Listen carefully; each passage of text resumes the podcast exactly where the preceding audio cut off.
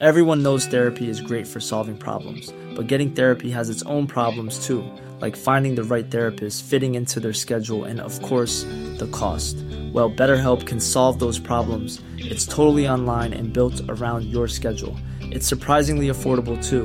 Connect with a credentialed therapist by phone, video, or online chat, all from the comfort of your home. Visit betterhelp.com to learn more and save 10% on your first month. That's BetterHelp, H E L P. Ryan Reynolds here from Mint Mobile. With the price of just about everything going up during inflation, we thought we'd bring our prices down.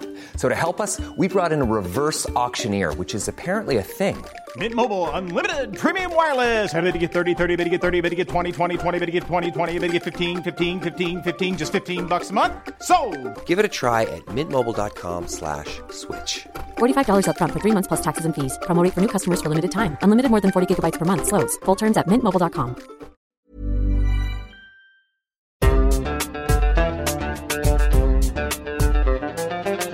بودكاست صوت.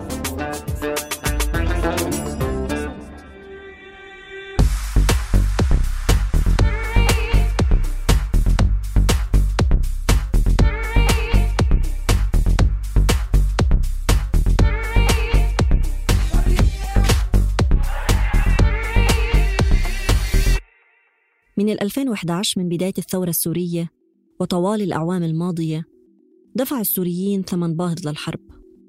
وصل عدد القتلى أو تجاوز نصف مليون. يقدر عدد اللاجئين أيضا بما يتجاوز 500 ألف. إضافة إلى آلاف المعتقلين. وسط كل هاي الأرقام تبرز الحاجة لأهمية الاستعاضة عن لغة الأرقام وضرورة توثيق حالات بعينها وتقريب الحقائق والأحداث وإعادة التمعن فيها. وطبعا دائما في الحروب تظهر التساؤلات عن محاسبة مرتكبي الجرائم وتوثيق الجرائم اللي حصلت. مرحبا أنا حنين صالح من فريق صوت. نحكي اليوم عن مشروع الأرشيف السوري وبالتحديد عن جزئية الإشراف على المحتوى في هذا الأرشيف مع ضيفنا هادي الخطيب مؤسس المشروع. مشروع الأرشيف السوري كما يعرف عن نفسه هو مبادرة سورية تهدف إلى صون وتحسين واستدامة الوثائق المتعلقة بانتهاكات حقوق الإنسان والجرائم الأخرى المرتكبة من قبل جميع أطراف النزاع في سوريا بهدف استخدامها في قضايا المناصرة والعدالة والمساءلة القانونية من خلال تطوير أدوات جديدة مفتوحة المصدر إضافة إلى تقديم منهجية شفافة حول الوثائق البصرية من مناطق الصراع. نرحب بهادي الخطيب. مرحبا هادي من رام الله لبرلين. آه هلا حنين. يعطيكم العافية أهلا وسهلا فيك آه بداية هادي آه إيش رح تضيف على تعريفي عن مبادرة الأرشيف السوري؟ من أهم الإضافات هو بغض النظر عن آه، موضوع أرشفة المواد الرقمية اللي هي الصور والفيديو اللي بتدل على انتهاكات حقوق الإنسان آه، من الأهداف الرئيسية للأرشيف السوري اللي هي التحقق من ال- الصور التحقق من الفيديو. الهدف هو استخدامها أولوية في موضوع آه، دعم آه، بناء القضايا القانونية ضد مرتكبي آه، جرائم الحرب في سوريا. فهذه من أهم الأشياء اللي آه، بحب تنضاف على آه، هدف آه، مشروع الأرشيف السوري اللي هو أيضا آه، جزء من منظمة النيمونيك آه، يلي تأسست بال 2018 آه، أيضا في برلين. آه، نحن اليوم في حديثنا هذه رح نركز على جزئية الإشراف على المحتوى ماذا نعني بذلك فيما يتعلق آه، بعمل آه، مبادرة الأرشيف السوري؟ إدارة المحتوى آه، هو برنامج بدأ فيه الأرشيف السوري من 2017 آم، آه، بداية ال- البرنامج كان بسبب آه، المحتوى الرقمي آه، اللي هو الصور والفيديو اللي كانت موجودة على آه، مواقع التواصل الاجتماعي اللي رفعها آه، ناشطين آه، آه، صحفيين من سوريا. وثقوا انتهاكات حقوق الإنسان ورفعوا هاي المواد على اليوتيوب وعلى الفيسبوك وعلى التويتر وعلى عدة منصات مواقع التواصل الاجتماعي الثاني المشكلة بهذاك الوقت ب 2017 كان حذف المواد بسبب استخدام الذكاء الاصطناعي من قبل مواقع التواصل الاجتماعي. هذا الشيء كان هدفهم هو إدارة المحتوى هدفهم اللي هو حذف المحتوى اللي بخالف سياسات مواقع التواصل الاجتماعي. نحن عم نحكي عن المحتوى العنيف المحتوى المتطرف أي شيء بخالف سياسات مواقع التواصل الاجتماعي كان بده يتم حذفه عن طريق استخدام الذكاء الاصطناعي. فلهذا السبب بدأ برنامج إدارة المحتوى آه، في الأرشيف السوري. طبعا السياسات التي تستخدمها منصات وسائل التواصل الاجتماعي لحذف المحتوى يعني أحيانا ربما تتجاوز موضوع مدى مطابقتها للمعايير أحيانا تستخدم أيضا لأجندات سياسية تفرض أو ربما يقرر القائمون على هذه المنصات فرضها على المستخدمين خصوصا طبعا في المناطق العربية. بالعودة إلى الأرشيف السوري ما هي الأولويات التي تأخذونها بعين الاعتبار آه، في سياق عمل آه، الأرشيف السوري وفي سياق عمل آه، العمل على المحتوى؟ من أولويات العمل في الأرشيف السوري هو بصراحة أرشفة المحتوى لأن من 2017 لحد الآن ومن خلال برنامج إدارة المحتوى حاولنا نتواصل مع مواقع التواصل الاجتماعي تواصلنا مع شركات الجوجل والتويتر والفيسبوك لحتى نقدر نشرح أهمية الوثائق الرقمية الموجودة على منصاتهم اللي هن عم يحذفوها بسبب آه، استخدام تقنيات مثل الذكاء الاصطناعي آه، للإشراف على المحتوى. ولكن للأسف ما كان في تجاوب كتير كبير من قبل هاي الشركات لنا آه للقضايا اللي إحنا عم نشتغل عليها إذا كانت في سوريا أو في مناطق ثانية في في العالم العربي. آه لهذا السبب كان من أولويات البرنامج الأرشيف السوري هو أول شيء أكيد أرشفت المحتوى قبل ما يتم حذفه وثاني شيء مثل ما حكيتي حنين اللي هو موضوع آه، الاستمرار ببرنامج الإشراف على المحتوى من خلال الضغط على مواقع التواصل الاجتماعي الضغط على الشركات من خلال حملات من خلال آه، التكلم مع الميديا آه، الدولية. آه، لأن حسينا أنه هاي هي أكثر النشاطات اللي عم تخلي هاي الشركات تتواصل معنا وتحاول أنه تتواصل يعني ما بس مع الأرشيف السوري بس مع منظمات المجتمع المدني الموجودة في العالم العربي لحتى تقدر تفهم المشاكل والتحديات اللي إحنا عم نواجهها بموضوع إزالة المحتوى المهم إن في آه، آه، قضية إلى علاقة بتوثيق حقوق الإنسان. كيف يساهم كل ما تقومون فيه و... والتقاط كل هذا الأرشيف وإعادة أرشفته من جديد والتحقق منه؟ كيف يساهم في صيرورة المساءلة والمحاسبة آه، ضد مرتكبي الجرائم في سوريا؟ هذا السؤال مهم جدا. حاليا السياق في سوريا هو آه، سياق صعب جدا على منظمات حقوق الإنسان آه، بسبب آه، عدم وجود منظمات الحقوقية في داخل سوريا لتوثيق انتهاكات حقوق الإنسان أكيد بسبب المخاطر الأمنية إلى ما هنالك. لهذا السبب فالأدلة آه، أيضا اللي هي كانت موجودة اللي بتدل على انتهاكات حقوق الإنسان تم تدميرها أو تم إزالتها أو تم حذفها من مواقع التواصل الاجتماعي. آه، نتيجة لذلك الأدلة الباقية يلي هي بتدل على أن حوادث انتهاكات حقوق الإنسان مثلا في ضرب المشافي اللي صارت في تاريخ معين في مكان معين في وقت معين آه، الدليل الوحيد الموجود هو الدليل الرقمي حاليا. الدليل الرقمي اللي هو موجود في الأرشيف السوري أو الموجود في يعني أرشيف منظمات المجتمع المدني الأخرى. فهذا موضوع كتير مهم لأن منظمات الأمم المتحدة وأيضا الدول الغربية أكثر مثلا أغلبها في ألمانيا أو في هولندا أو في السويد بيشتغلوا على قضايا حقوقية وقانونية وبيحتاجوا على أدلة. حاليا هن ما عندهم وصول إلى سوريا. فالأدلة عم تكون رقمية. فهون الأرشيف السوري يساهم في دعم القضايا القانونية من خلال إعطاء الأدلة القانونية آه، من خلال الفيديو والصور اللي تم التحقق منها. لحتى نأكد أنه في حادثة وقعت في هذا التاريخ في هذا المكان في هذا الوقت من قبل أشخاص معينين. قبل يعني أن آه، أن نتعمق أكثر في آه، المحاسبة وصيرورة المحاسبة بناء على على ما تقومون به. آه، رح أرجع أكثر للموقع ونحكي أكثر عن آلية العمل. أنا اطلعت طبعا على الموقع وعلى عدد من التحقيقات المنشورة وطبعا الأرشيف يجري تحقيقات عن انتهاكات مثل مثلا قصف المنشآت الطبية استخدام الأسلحة الكيماوية وغيرها. هل يمكن أنه تحدثنا باختصار باختصار عن منهجية العمل على مثل هيك تحقيقات تستدعي الكثير من الأدلة والشهادات وربما أحيانا التحليل العلمي للتأكد.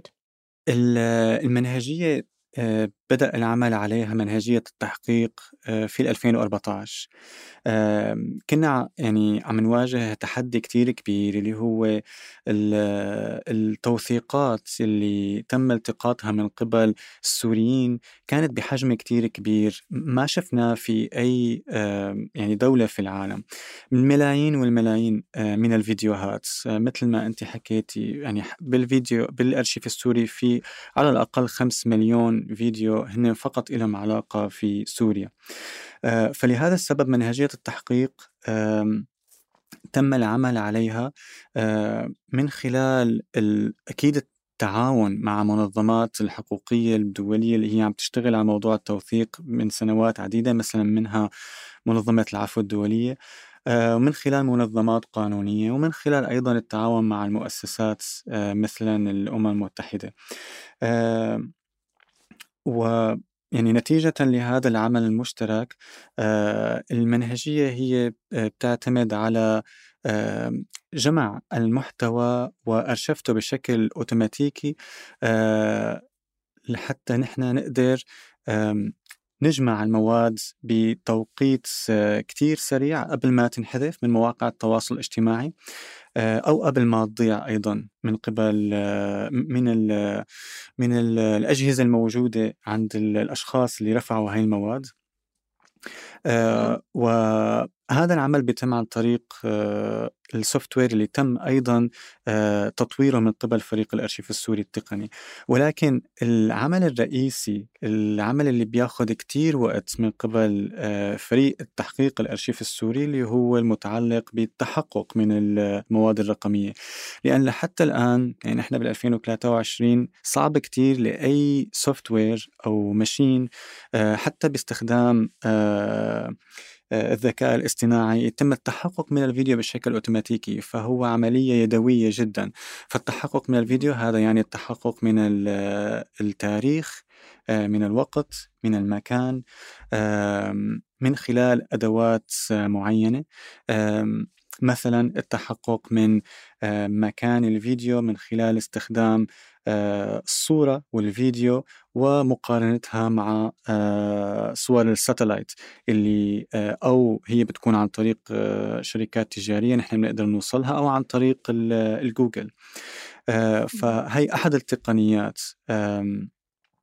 وأيضا في تقنيات ثانية حتى نحن نقدر نحدد الوقت والتاريخ يعني غير المكان. فهذا آه، هي منهجية تحقق من فيديو واحد ولكن آه، نحن بنشتغل على مثل ما شفتي حنين تحقيق اللي هو بيحتوي العديد من الفيديوهات. فالمنهجية آه، أيضا تتضمن تحليل كل الفيديوهات اللي متعلقة بحادثة معينة والعمل على تحليلها لحتى نحن نقدر نجاوب على آه، أسئلة معينة. مثل ماذا حدث في هذه الحادثة؟ من قبل من آه، متى حدثت الحادثة؟ أين حدثت الحادثة؟ ومن كان المسؤول؟ فنحن بنجاوب على هذه الأسئلة من خلال التحقق من الأدلة الرقمية وتحليلها مع بعض لإنتاج التحقيق اللي هو بيكون موجود على موقع الأرشيف السوري. هذا الشيء موجود بابليك ولكن أيضا نحن بنشتغل شيء اللي هو خصوصي أو confidential أكثر مع آليات المحاسبة. هل الأدلة بتساعدكم على هذا النوع من الحسم إنه الطرف الفلاني هو من ارتكب هاي الجريمة مثلا؟ أكيد الموضوع صعب كتير علينا نحن كمنظمة لأنه بنعتمد على نوع واحد من الأدلة اللي هي الأدلة الرقمية آه، اللي متوافرة على مواقع التواصل الاجتماعي اللي بعض منها أكيد بشير على أنه في شخص المعين آه، هو كان مسؤول عن حادثة معينة والأرشيف السوري يعني بيلعب هو جزء من موضوع التحقيق اللي هو موضوع أكبر من فقط التحقق الرقمي للمواد البصرية. فنحن بنحاول أنه نعمل دعم للآليات المحاسبة اللي هي أيضا تشتغل على مواضيع ثانية مثلا عندهم الأدلة المتعلقة في الوثائق الرسمية عندهم الأدلة اللي هي آه، متعلقة آه، في مقابلات الشهود أو الناجيين آه، فنحن نشتغل جزء من هذا الموضوع ومنقدم لهم إياه هل في تواصل مع أشخاص في سوريا للتأكد من معطيات بعض التحقيقات؟ هذا السؤال كتير مهم جدا حنين لأن آه يعني قد نحن ما نقدر نشتغل على آه التحقق الرقمي والتحقق من الفيديو والصور. كتير بهمنا آه المعلومات من الأشخاص اللي هن موجودين في أماكن معينة آه اللي بيعرفوا أكثر عن حوادث معينة اللي بيعرفوا أكثر عن سياقات حوادث معينة أو سياقات آه، أماكن معينة. فهي المعلومات نحن بنسألهم عليها آه، يعني أفرادا أو إذا كان مجموعات منظمة أو منظمات حقوقية مثلا لحتى نحن نقدر نتأكد من المعلومة ما في تعاون مباشر فريق الأرشيف السوري هو معظمه حاليا خارج سوريا للأسف ولكن في تعاون غير مباشر مع المنظمات اللي موجودة في سوريا. السياق السوري هو السياق اللي بدأت فيه مجموعات غير منظمة وبعدها تنظمت وبعدها صار في مجتمع مدني أقوى مع الوقت اللي هو بلش ياخذ الصورة ويلتقطها ويرفعها لمواقع التواصل الاجتماعي.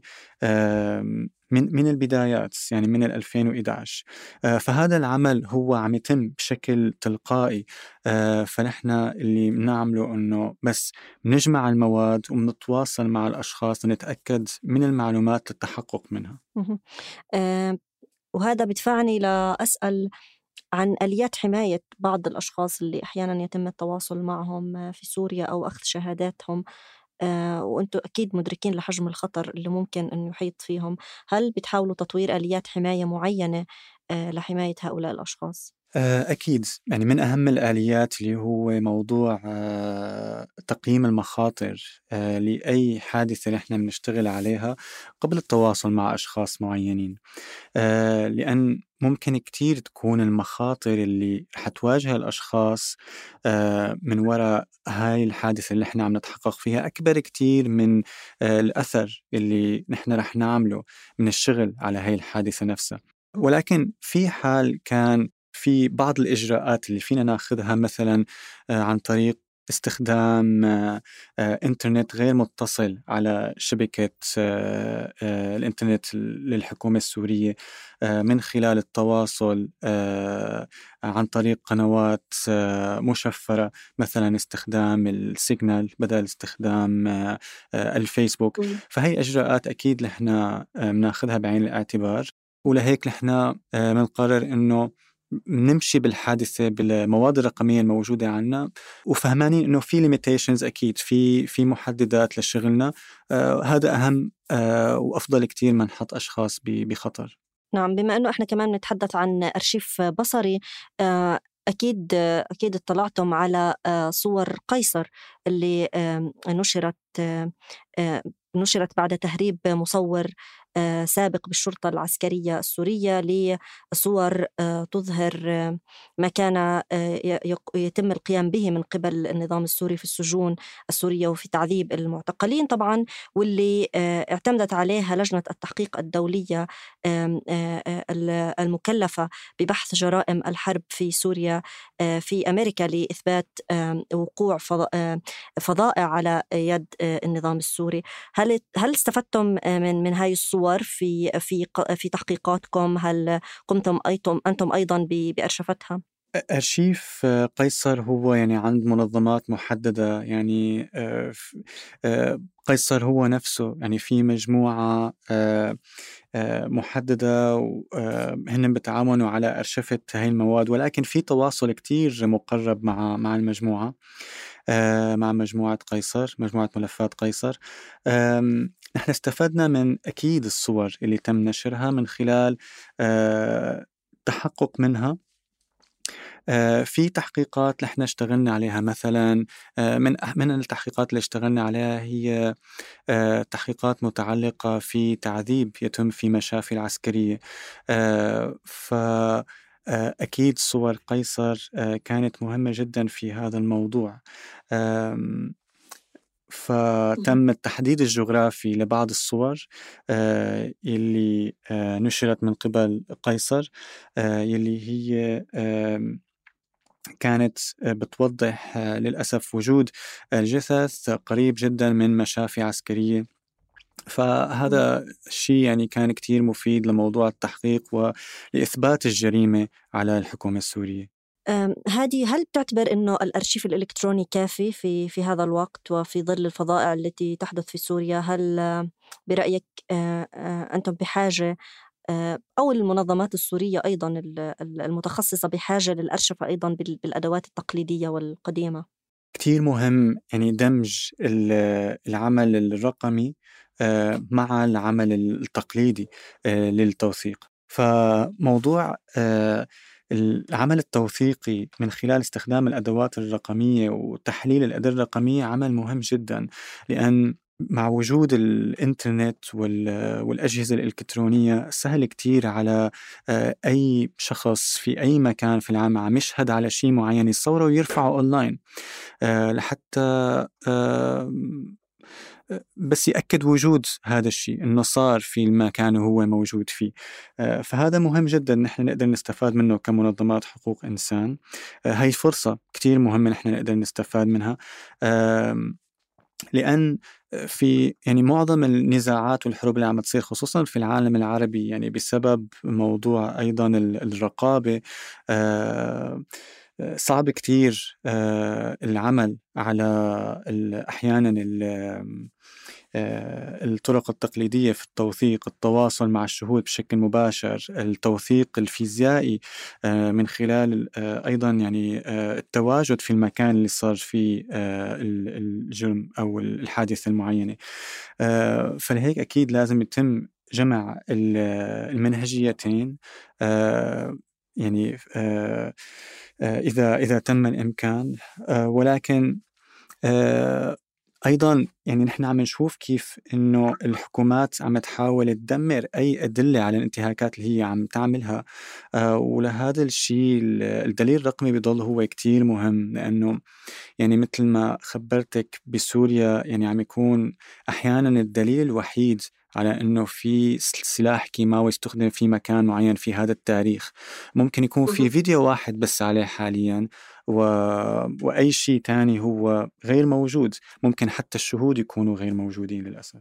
نعم هذه وهون بفكر في سؤال هل الأرشيف أو المحتوى على الأرشيف السوري هو محتوى في أمان؟ في يعني نقدر نقول إنه مضمون أن يبقى في أمان؟ الفريق التقني للأرشيف السوري يعني بيعمل جهده بالموارد الموجودة إنه يكون في دائما نسخ احتياطية في أماكن متعددة يعني هذا أكثر أمان نحن فينا نعمله بصراحة. جزء صغير من الأرشيف هو متواجد أونلاين على مخدم موجود أونلاين ولكن الجزء الأكبر من الأرشيف هو موجود offline.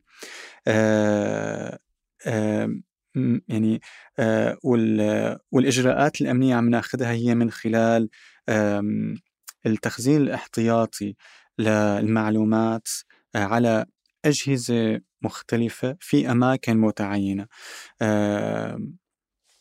فهذا الشيء يعني بخلينا نتأكد إنه إذا خسرنا نسخة في مكان معين فهي رح تكون موجودة في مكان ثاني أو ثالث.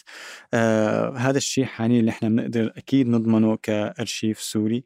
آه آه وما فينا نعمل إجراءات أمنية أكثر بسبب الموارد اللي غير موجودة.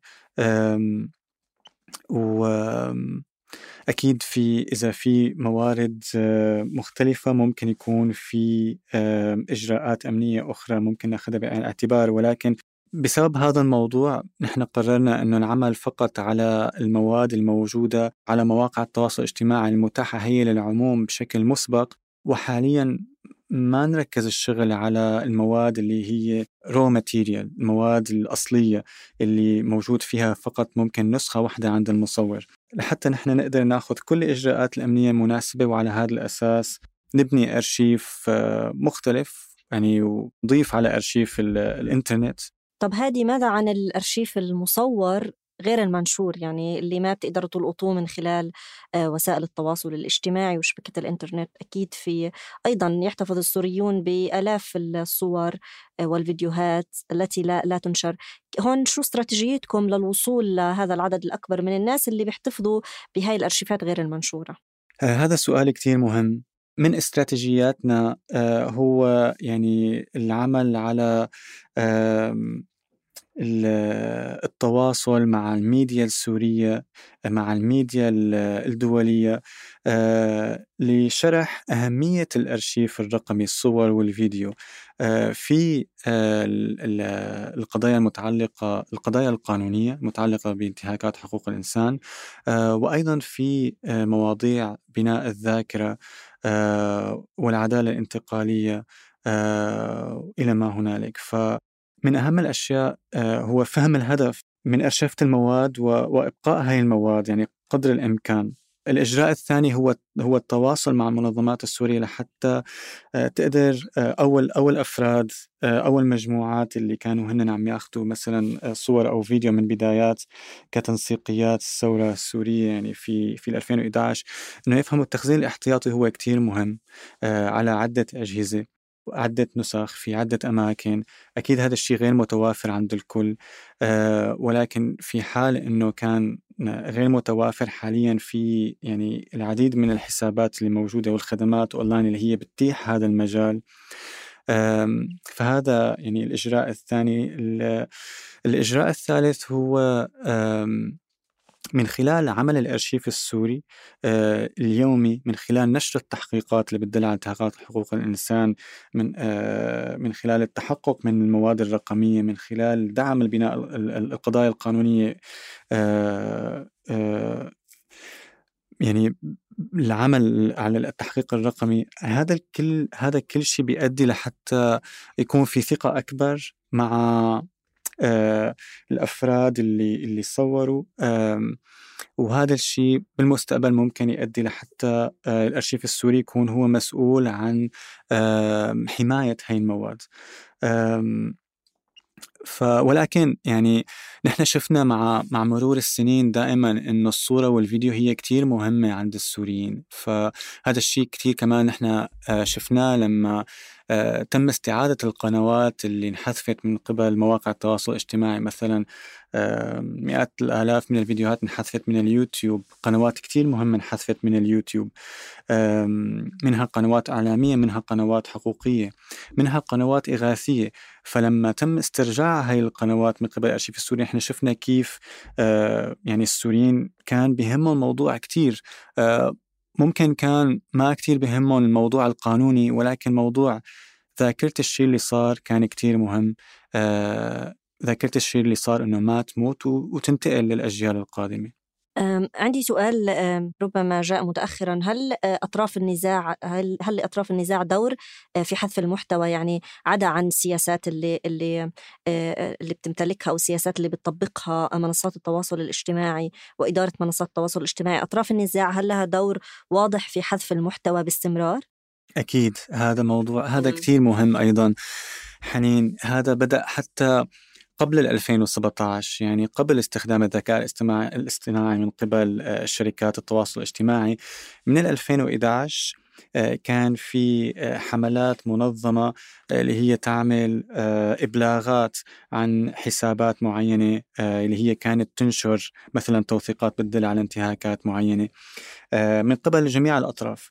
فهذا الشيء كان عم يصير بشكل منظم بشكل استهدافي وكان يعني له تأثير كتير عالي. يعني أنا بتذكر يعني بدأت نشاطي بموضوع التوثيق بال 2011 يعني من البدايات وكان هو أيضا عن طريق ال social media.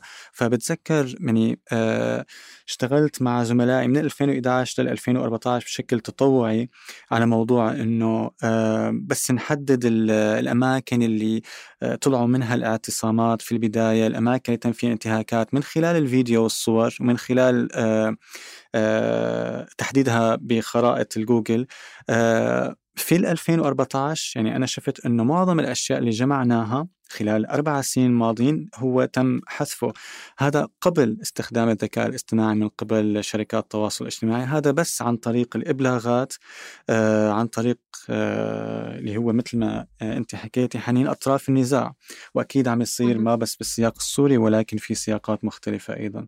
تحدثنا إنه كيف ممكن تكون هاي الوثائق الصورية آه، مهمة في التعرف على مرتكبين الجرائم ولكن في المقابل هل ممكن تكون مهمة في التعرف على الضحايا؟ آه، وجوه الضحايا الناس اللي الذين غيبوا وأهاليهم ما بيعرفوا شيء عن مصيرهم هل حدث؟ آه، وإن كان الأرشيف السوري أو ساهم الأرشيف السوري في التعرف ومساعدة الأهالي لمعرفة مصير أبنائهم وأقاربهم. آه، الأرشيف السوري يعني لم يعمل على هذا الموضوع تحديدا. هذا الموضوع اللي اشتغلوا فيه هو مجموعة ملفات آه، قيصر. آه، فالصور اللي تسربت الأشخاص اللي عم يشتغلوا بهاي المجموعة هن كان عندهم جهد كتير كبير في التواصل مع الأهالي الضحايا. كان في دور عن طريق نصيحة تقنية تم توجيهها للمنظمات اللي عم تشتغل على هذا الموضوع ولكن آه، نحن ما اشتغلنا على هذا الموضوع بشكل بشكل مباشر. إحنا بنشتغل على الموضوع من خلال أكيد من خلال التحقيق نحن فينا نتعرف على آه، الضحايا أو الشهداء وهذا الشيء نحن يعني بنعطيه للجهات القانونية اللي هي بتكون أكثر مسؤولة عن عمليات محاسبة محددة آه، ولكن ما بنتواصل مع آه، أهالي الضحايا بشكل مباشر. على غرار المحاكمات اللي شهدناها مؤخرا في أوروبا لمجرمين الحرب العام الماضي آه، محاكمة مثلا العقيد السوري أنور رسلان آه، جديد آه، فرضت الولايات المتحدة عقوبات على مرتكب أحد مرتكبي مجزرة التضامن الأرشيف السوري إذا هل يسهم بشكل حقيقي في هذا النوع وفي هذه الأنواع من المحاكمات والمحاسبات التي تحدث حاليا في أوروبا؟ الأرشيف السوري وعدة منظمات سورية تانية تسهم بشكل مباشر جدا في التحقيقات اللي عم تتم عن طريق الدول الأوروبية آه، أو عن طريق آه، الولايات المتحدة. فهذا الإسهام هو دائما بيكون عن طريق آه، آه، مشاركة الأدلة عن طريق آه، مشاركة معلومات شهود عن طريق مشاركة معلومات أهالي الضحايا أي معلومات هي بتساعد آليات المحاسبة لحتى يتخذوا إجراءات قانونية لحتى أي توثيق يكون جزء من ملف قانوني في محكمة معينة. فهذا الشيء أكيد الأرشيف السوري بيشتغلوا مع عديد من المنظمات السورية أيضا. أخيرا يعني في تصميم عند السوريين والسوريات اللاجئين والمنفيين. على محاسبة المسؤولين عن كل هذه الجرائم وكمان منعهم من الحصانة التي ممكن أن أن يحصلوا عليها بعد آه، فرارهم لأوروبا. آه، وهون رح أتحدث عن توحيد الجهود آه، لمنظمات حقوقية سورية والتكاتف معا لتحقيق هذا المطلب لرفع الحصانة عن هؤلاء في حال نجحوا في مغادرة سوريا إلى دول الخارج. فسؤالي هون عن توحيد الجهود. أكيد قدر الإمكان حنين وحسب الموارد الموجودة عم يكون دائما في تنسيق و... وتعاون مع منظمات سورية. آه، مثلا آه، أحد القضايا اللي اشتغلنا عليها هي آه، القضايا الكيماوية استخدام السارين. وتم العمل على تحقيقات مع منظمة سورية. آه اللي هي اسمها ال Syrian Center for Media Freedom of Expression ال SCM وأيضا مع منظمة ثانية اللي هي منظمة آه الدفاع المدني في قضايا متعلقة في المشافي. ولكن الفكرة هي إنه آه التحقيقات اللي عم تتم بالتعاون مع منظمات السورية عم آه، إعطائها للدول الأوروبية مثلا آه، تحقيقات السارين في الغوطة الشرقية في خان شيخون آه، تم مشاركتهم مع الحكومة الألمانية مع المدعي العام أيضا في الحكومة السويدية والفرنسية وتم إنشاء تم فتح تحقيقات في هاي الحوادث السارين في الغوطة الشرقية وخان شيخون وكان عمل تعاوني مع منظمة سورية وأيضا قضية المشافي هي مع منظمات سورية عم تكون وأيضا مع منظمات دولية آه، ولكن عم نحاول قدر الإمكان يكون في استراتيجية آه، آه، واحدة وتعاون مشترك في عمليات المحاسبة. وهذا الشيء عم يصير أكثر وأكثر حاليا.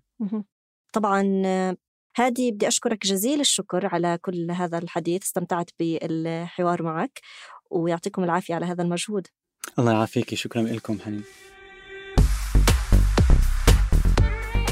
كنت معكم من الإعداد والتقديم حنين صالح. من الإعداد والإنتاج تالا حلاوة وخولة حموري. ومن الهندسة الصوتية يزن قواس. ما تنسوا تشتركوا في قناة حرر لتوصلكم تنبيهات بالحلقات الجديدة. بودكاست حرر من إنتاج صوت.